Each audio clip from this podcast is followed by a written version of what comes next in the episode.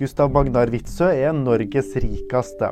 Skattelistene for 2022 viser at laksearvingen hadde en formue på 26,5 milliarder kroner. Kjell Inge Røkke toppa lista i mange år, men flytta til Sveits i fjor. Den utflytta investoren toppa likevel inntektslista med rundt 411 millioner kroner, ifølge skattelistene.